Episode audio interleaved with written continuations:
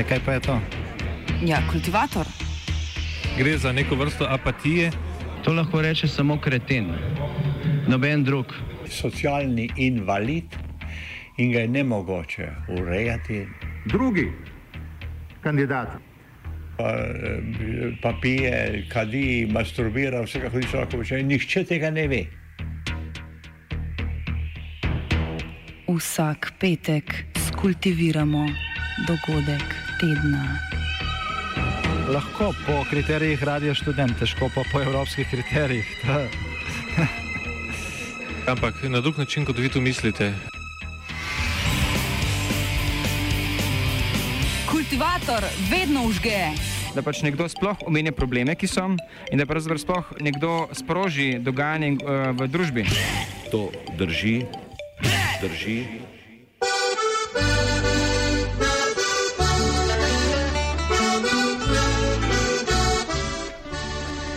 Kleni in domoljubni slovenci so v preteklih tednih z demonstracijami upozarjali na nezakonitost prehodov čez ograjeno reko Kolpo v Slovenijo in prosili za več vojske in policije v Beli krajini in na Kočevskem.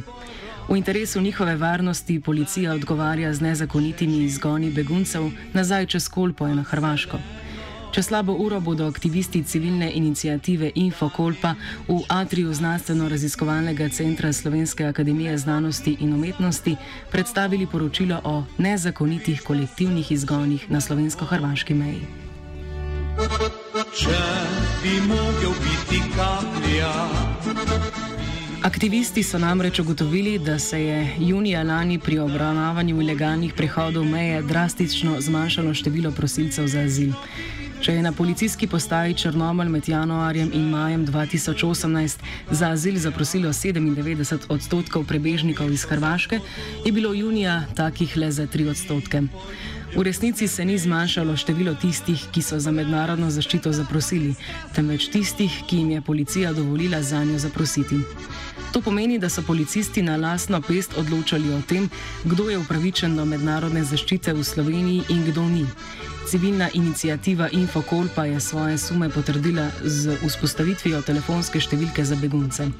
Tam so prebežniki sporočali, kaj se z njimi dogaja potem, ko so prečkali mejo.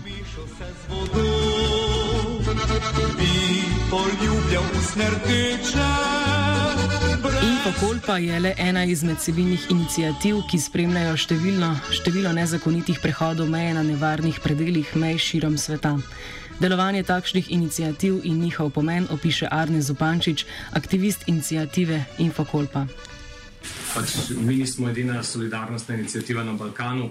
Um, podobne prakse Alarm Fonu se dogajajo v bistvu trenutno po celem svetu. Namenjeno so predvsem monitoringu uh, števila prehodov čez določena nevarna območja. Zdaj, ali gre to za sredozemlje, ali gre to za pač puščavo na jugu ZDA, ali gre to za močvirja okrog reke Euros med uh, grško-turško mejo in tako naprej. Skratka, gre, ne gre za nobeno švrcanje ljudi ali pa pomoč pri prehajanju, gre samo za to, da se ve, koliko ljudi krene na pot in koliko ljudi na cilj pride.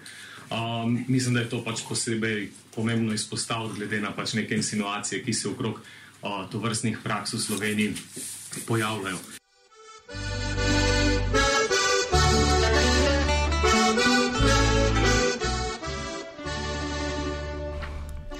Sporočilom o nezakonitih izgonih na slovensko-hrvaški meji je inicijativa seznanila tudi varuha človekovih pravic, Ministrstvo za notrne zadeve in ostale pristojne institucije. Varuh je februarja izdal ločeno poročilo o dogajanju na meji in potrdil, da obstaja sum o nepravilnostih, a ni sprožil nadaljnega postopka. Tudi danes smo iz njegove pisarne dobili odgovor, da še vedno preučuje poročilo o nezakonitih kolektivnih izgonih.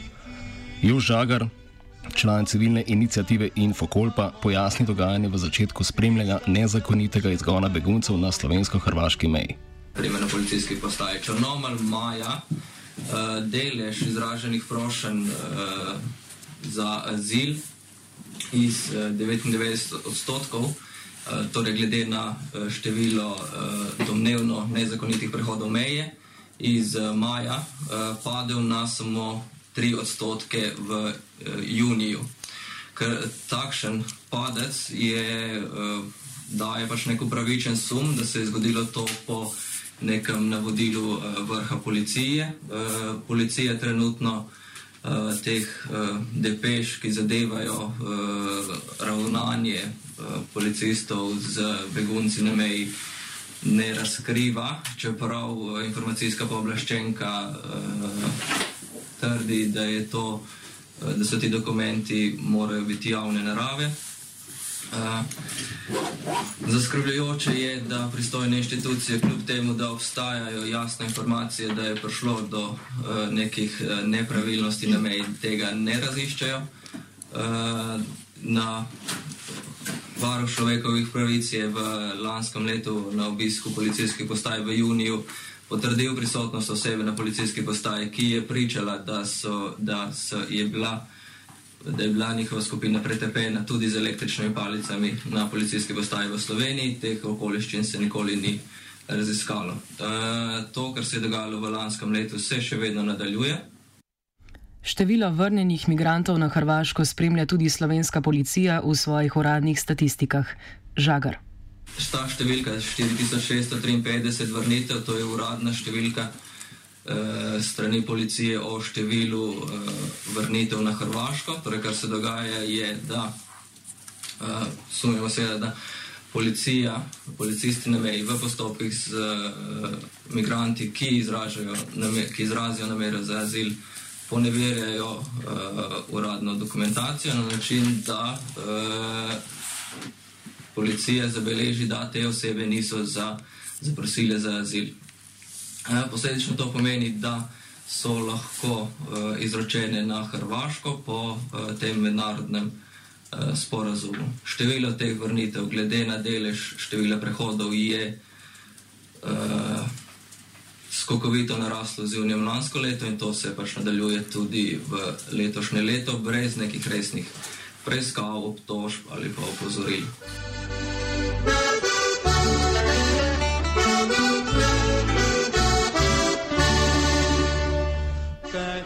Policija svoje početje upravičuje z izgovarjanjem na dvostranski mednarodni sporazum med Slovenijo in Hrvaško o izročitvi in prevzemu oseb, katerih vstop ali prebivanje je nezakonito iz leta 2006.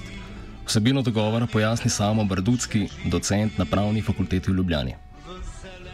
Ja, spravi, s tem sporazumom ste se državi dogovorili, uh, da boste um, brez večjih formalnosti omogočili to, da ena drugi vrneta osebe, ki ne izpolnjujejo pogojev za bivanje oziroma eh, za bivanje v tej državi. Spravi, tu gre lahko za državljane teh držav, recimo, da slovenski državljan na Hrvaškem nima več, um, ne izpolnjuje več pogojev za bivanje, ga lahko Hrvaška vrne na Slovenijo, vrne v Slovenijo.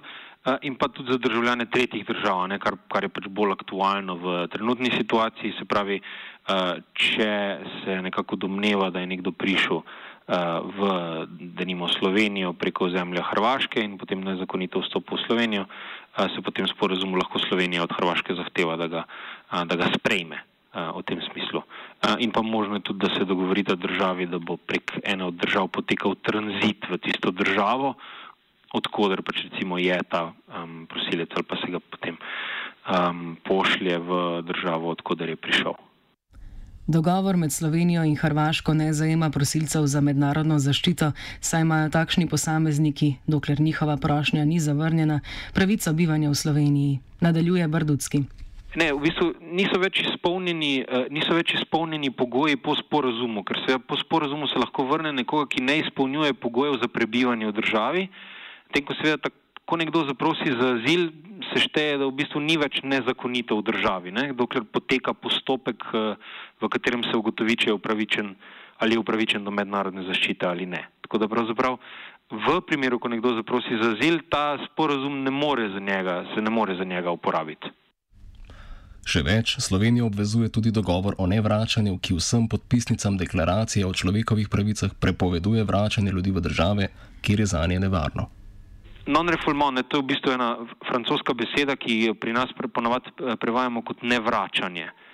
Se pravi, to, tu gre za v bistvu zelo, bi rekli, kar močno mednarodno pravno pravilo, ki je zavarovano na različne načine, nekoliko z različnih perspektiv v zelo pomembnih mednarodno pravnih dokumentih na področju prav človekovih pravic. Recimo v konvenciji proti mučenju, v v uh, konvenciji o statusu begunca in pa tudi ne na zadnje po praksi Slovenskega ustavnega sodišča v Ustavi Republike Slovenije v 18. členu, ki prepoveduje mučenje, se pravi tudi iz tega izhaja prepoved vračanja nekoga v državo, kjer bi mu lahko uh, grozilo mučenje.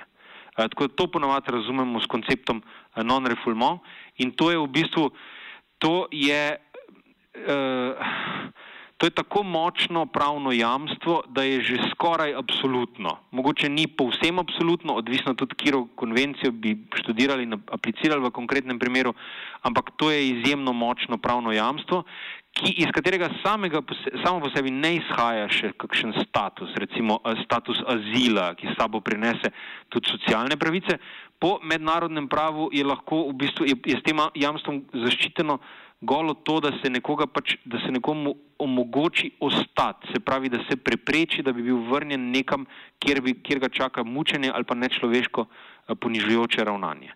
Uh, in to velja ne samo za članice Evropske unije, to velja za vse v bistvu države, uh, ki so podpisnice mednarodnih dokumentov z področja prava človekovih pravic. Poleg vseh teh neskladij med delovanjem slovenske policije in pravom, pa uči najbolj bode širitev policijskih pooblastil. Policija namreč ni pristojna za odločanje o pravici do zaprositve za mednarodno pomoč. O tem se odloča kasneje, ko je posameznik že na varnem azilnem domu. Pojasni Brdudski. Po zakonu o mednarodni zaščiti se najprej, uh, ko recimo pride oseba, ki želi mednarodno zaščito, v Sloveniji, ko pride v stik z državnim organom ali pa lahko tudi organom lokalne skupnosti, uh, mora uh, izraziti namero zaprositi za azil, se pravi kot neko napoved, da bo zaprosila za azil. In v tistem trenutku potem steče postopek in je tako osebo treba pač predati Ministrstvo za notranje zadeve oziroma uh, se potem uh, ga uh, sprejme v azilnem domu in potem v azilnem domu pa potem res formalno potem poda to prošnjo za azil. Tako da tu sta v bistvu nekako dve fazi ali pa dva koraka tega postopka. In zdaj v trenutku, ko nekdo izrazi policistov, ki ga sreča nekje ali ga policist stavi namero, da zaprosi za azil, je treba potem ta postopek izpeljati. Jo Žagar razloži, da širjenje in sočasna zloraba pristojnosti policije lahko pomenita nevarnost predvsem strani policije, ki krši zakone lastne države.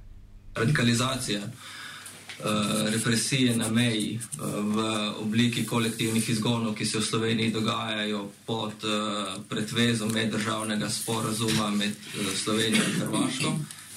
Uh, da je pač neko zaskrbljujočo sliko ravnanja državnih organov nad uh, ranljivimi skupinami, in to je pač nekaj, kar je lahko zaskrbljujoče za pač vsakega državljana v Sloveniji. Uh, in seveda tudi ne državljana.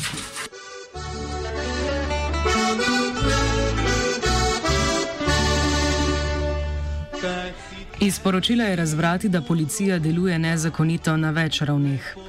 Poleg prej opisanih kršitev mednarodnega prava prihaja tudi do klasičnega nasilja. Sicer ne tako sistematično in pogosto kot na Hrvaškem, a posamezni primeri obstajajo. Danes je sicer v prostorih Policijske akademije v Tacnu potekala novinarska konferenca Sindikata policistov Slovenije, na kateri je ena od tem bila stanje na meji s Hrvaško. Na novinarski konferenci so sindikati izrazili nezadovoljstvo nad delom in besedami premijeja Marjena Šarca, člana njegovega kabineta Aleša Črnčeca in ministra za notranje zadeve Boštjana Poklukarja.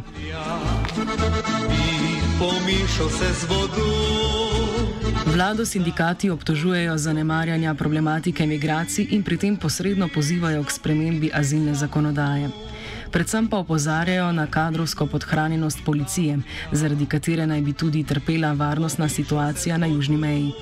O vprašanjih novinarjev, ali lahko bolj specifično opišajo, kako je ogrožena varnost, niso podali zadovoljivega odgovora. Ob omembi poročila inicijative Infokol pa se tudi niso želeli opredeliti do ugotovitev o ilegalnih izgonih. Arne Zupančič povzame nezakon nezakonitosti delovanja policije na slovensko-hrvaški meji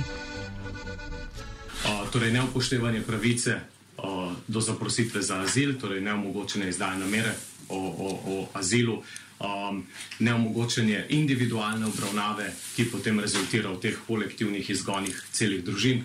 Mogoče tukaj velja upozoriti, da um, predvsem ženske in otroci v azilnih postopkih že tako, tako nimajo pravice do individualne obravnave, ker so primeri zavedeni pod očetom družine uh, in kot taki pač nimajo možnosti z lastnimi okoliščinami vplivati na odločbo o tem, ali so upravičeni do azila ali ne. Naslednja stvar, na katero upozarjamo, um, je verižno vračanje. To verižno vračanje je po mednarodnem pravu prav tako prepovedano. Uh, torej, ko se poroča o tem, da so bili uh, begunci vrnjeni na Hrvaško, so v bistvu končali v Bosni, kar pač je praktično 100% uh, pravilo. V tem primeru, um, s tem, da včasih ljudje pridejo že iz italijanske meje in so potem ekspresno dostavljeni naprej, to je um, verjetno tudi en izmed. Uh, Uh, ena izmed namer obiska Cerarja trenutno v Rimu, ki se dogovarja ravno o vzpostavitvi mešanih slovensko-italijanskih patrulj, kot smo včeraj zvedeli. Tako da to ne gre pač samo za eno izmed, recimo, temu mogoče uh, sumljivih praks, ampak gre za pač en že skoraj da konkreten seznam stvari, ki jih policija na redni bazi uh, dela na robe in protipravno. S takim delovanjem policija priliva olje na ogen slabih življenjskih razmer beguncev in posledično lokalnega prebivalstva tako v Bosni, Hercegovini kot v Sloveniji in na Hrvaškem. Mislim, da slovenska država in pač v njenem imenu policija s tem svojim nezakonitim ravnanjem uh, prispeva k zaostrovanju razmer v Bosni, kjer pač je bilo rečeno, da ni nikakršne ustrezne infrastrukture, uh, iz, lju, lju, dejansko ogroža življenje ljudi, ki jih po 15krat tudi pošilja na to uh, tudi smrtonosno pot od severa Bosne do južne slovenske meje.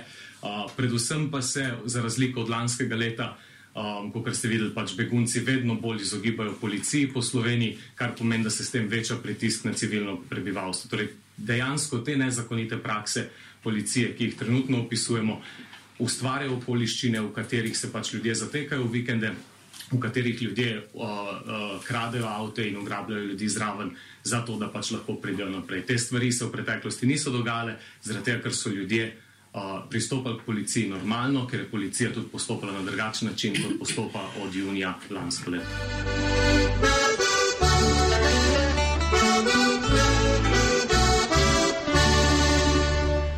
Povratniki iz Slovenije na Hrvaško v veliki večini tam ne zaključijo svojega potovanja.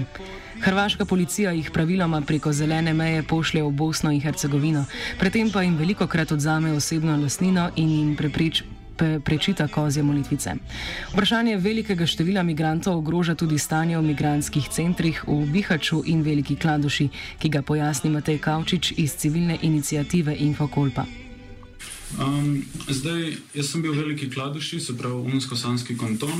Um, tam je večina ljudi v Bihaču in v Veliki Kladuši. V Bihaču so tri veliki kampi, um, nekih 4000 ljudi, 3000 ljudi in v Veliki Kladuši še Miral, kjer je še 1700 ljudi in pa še kakih 300, 400, 500 zunaj kampov.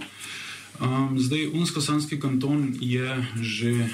Um, uradno je zaprt že par mesecev, že več mesecev, mogoče pol leta, kar pomeni, da so dejansko checkpointi na vhodu v, na vhodu v Unsko-Sanski katon, kar pomeni, da pri ključu, spravo na poti Sarajeva do Bihača ali pa pri bosanski otok, bosanska otoka, je, so če, policijski checkpointi, kjer se ljudi meče dol iz um, avtobusov in vlakov na kar jim tam so op, optičijo srednji česar, um, kjer večinoma pa za njih jim pomagajo lokalci.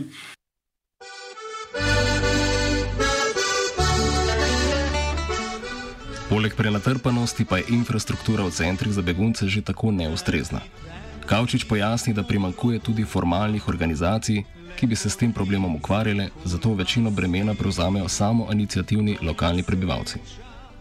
Zdaj v kampih je uh, zdravstvena njega na psu, se pravi, ker prihaja veliko ljudi nazaj um, iz, um, iz The Game, kot temu pravijo, so, um, je veliko poškodb iz uh, same poti, od pacov, od, um, od policijskega nasilja, kot omenjeno, in tudi um, iz, zaradi nasilja med ljudmi samimi. Um, ker ni dovolj zdravstvene nege, veliko ran, ki se pot, potem inf, uh, infektirajo, mislim, so infekcije, zaradi tega, ker v kampih, naprimer v Kladuši, ni, um, se pravi, miral kamp v Kladuši, ni niti pravnih strojev, kar pomeni, da nikjer v Kladuši si ljudje ne morejo oprati oblek, ni čistih oblek, samo v kampu so tuši, medtem ko nikjer drugje v Kladuši ni možno se stuširati, kar pomeni, da je velik skabi in potem tudi ni tretmana za skabije, ker zdravniki kdaj so, kdaj jih ni. Slovenija vrača nekatere imigrante na Hrvaško, kljub temu, da je znano, da jim tam pretita nevarnost in najverjetnejši izgon v tretjo državo. Kot podari Bardutski, slovenske policije k vračanju ne zavezuje dogovor z Republiko Hrvaško. Sloveniji ni treba izstopiti iz tega, zato ker Slovenija, če nekoga ne vrne na Hrvaško, ne krši bilateralnega sporazuma. Kršila bi ga kvečemu tista država, ki ne bi hotela nekoga sprejeti. Tako da sporazum lahko mirno ostane v veljavi, tudi če se Slovenija, zaradi, če, če eh, pride do presoje, da na Hrvaškem nekomu eh, grozi mučenje ali pa ponižujoče nečloveško ravnanje. Eh, tudi če pride do te presoje, do te odločitve, Slovenija pač zaradi višjih pravnih norm v ustavi, v mednarodnem pravu človekovih pravic nekoga ne vrne na Hrvaško, to ne pomeni, da ta sporozum preneha ali pa da mora prenehati veljati. Lahko so obstajata, ampak se ga pač vedno mora izvrševati tako, da so zavarovana ustavna jamstva, da je spoštovano mednarodno pravo človekovih pravic.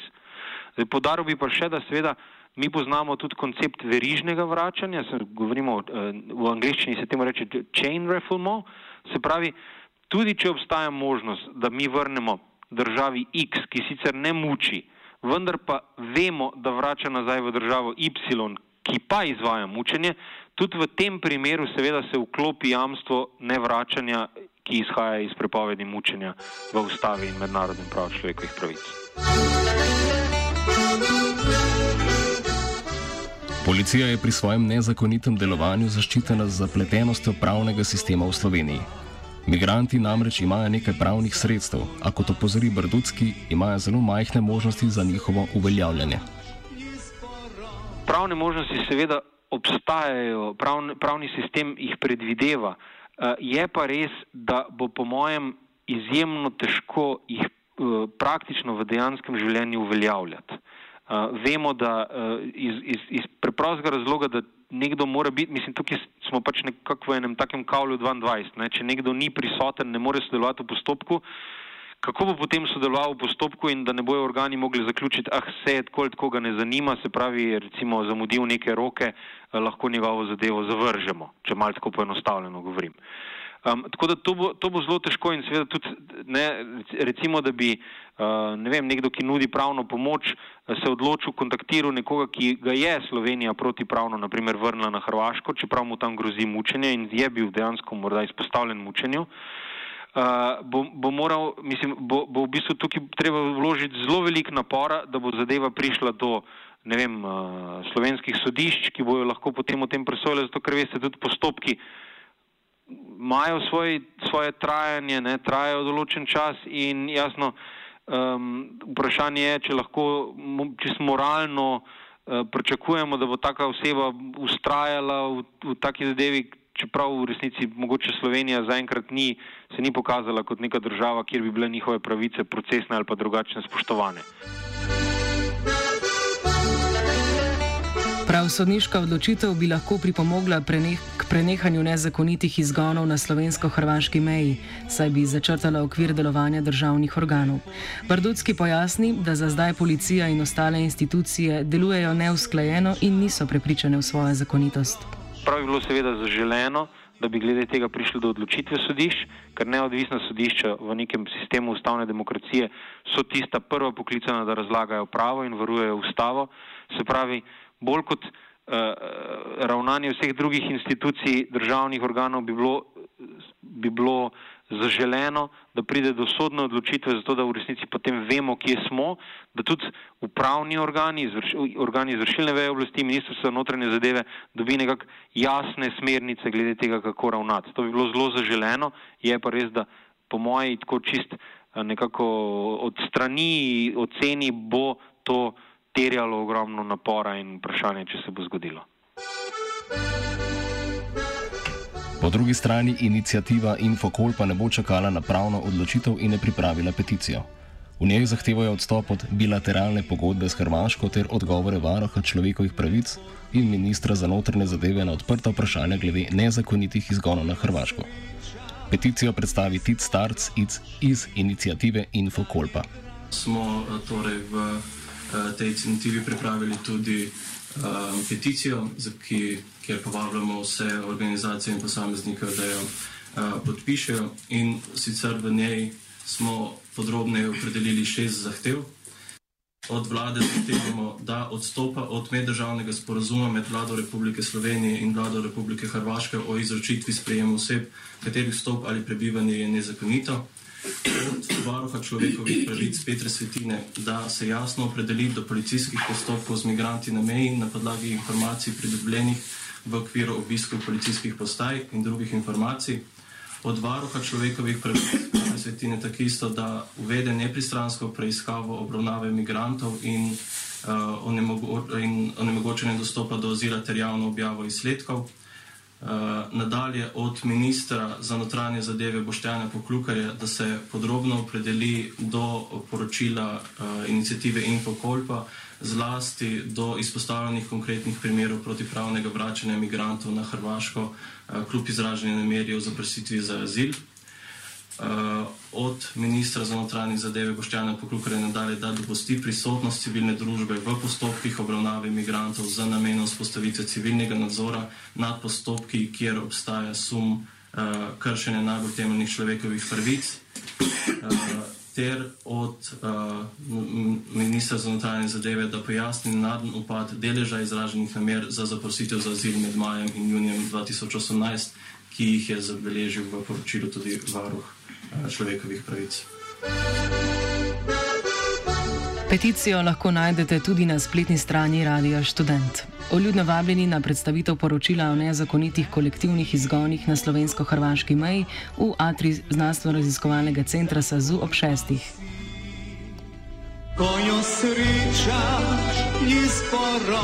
Za zdaj odgovorne institucije, kot sta varuh človekovih pravic in Ministrstvo za notranje zadeve, nimajo pripravljenih odgovorov na vprašanje civilne inicijative. Migranti bodo tako očitno še nekaj časa nelegalno vstopali in spet izstopali iz Republike Slovenije. Viš, da srček me boli. Za enega brega reke Kolpe, na drugega je skakal Virant. In še enkrat, če so skupne patrulje, je tudi odgovornost skupna.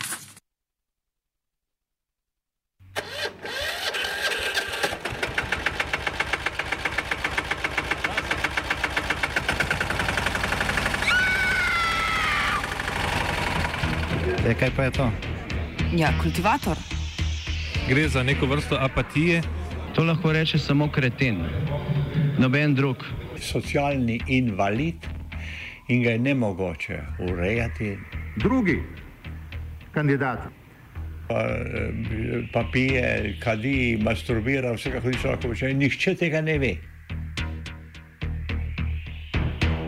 Vsak petek skultiviramo dogodek tedna. Lahko po kriterijih radio študent, težko pa po evropskih kriterijih. Ampak na drug način, kot vi to mislite. Kultivator vedno užge. Da pač nekdo sploh omenja probleme, ki so, in da pravzaprav sploh nekdo sproži dogajanje uh, v družbi. To drži, drži.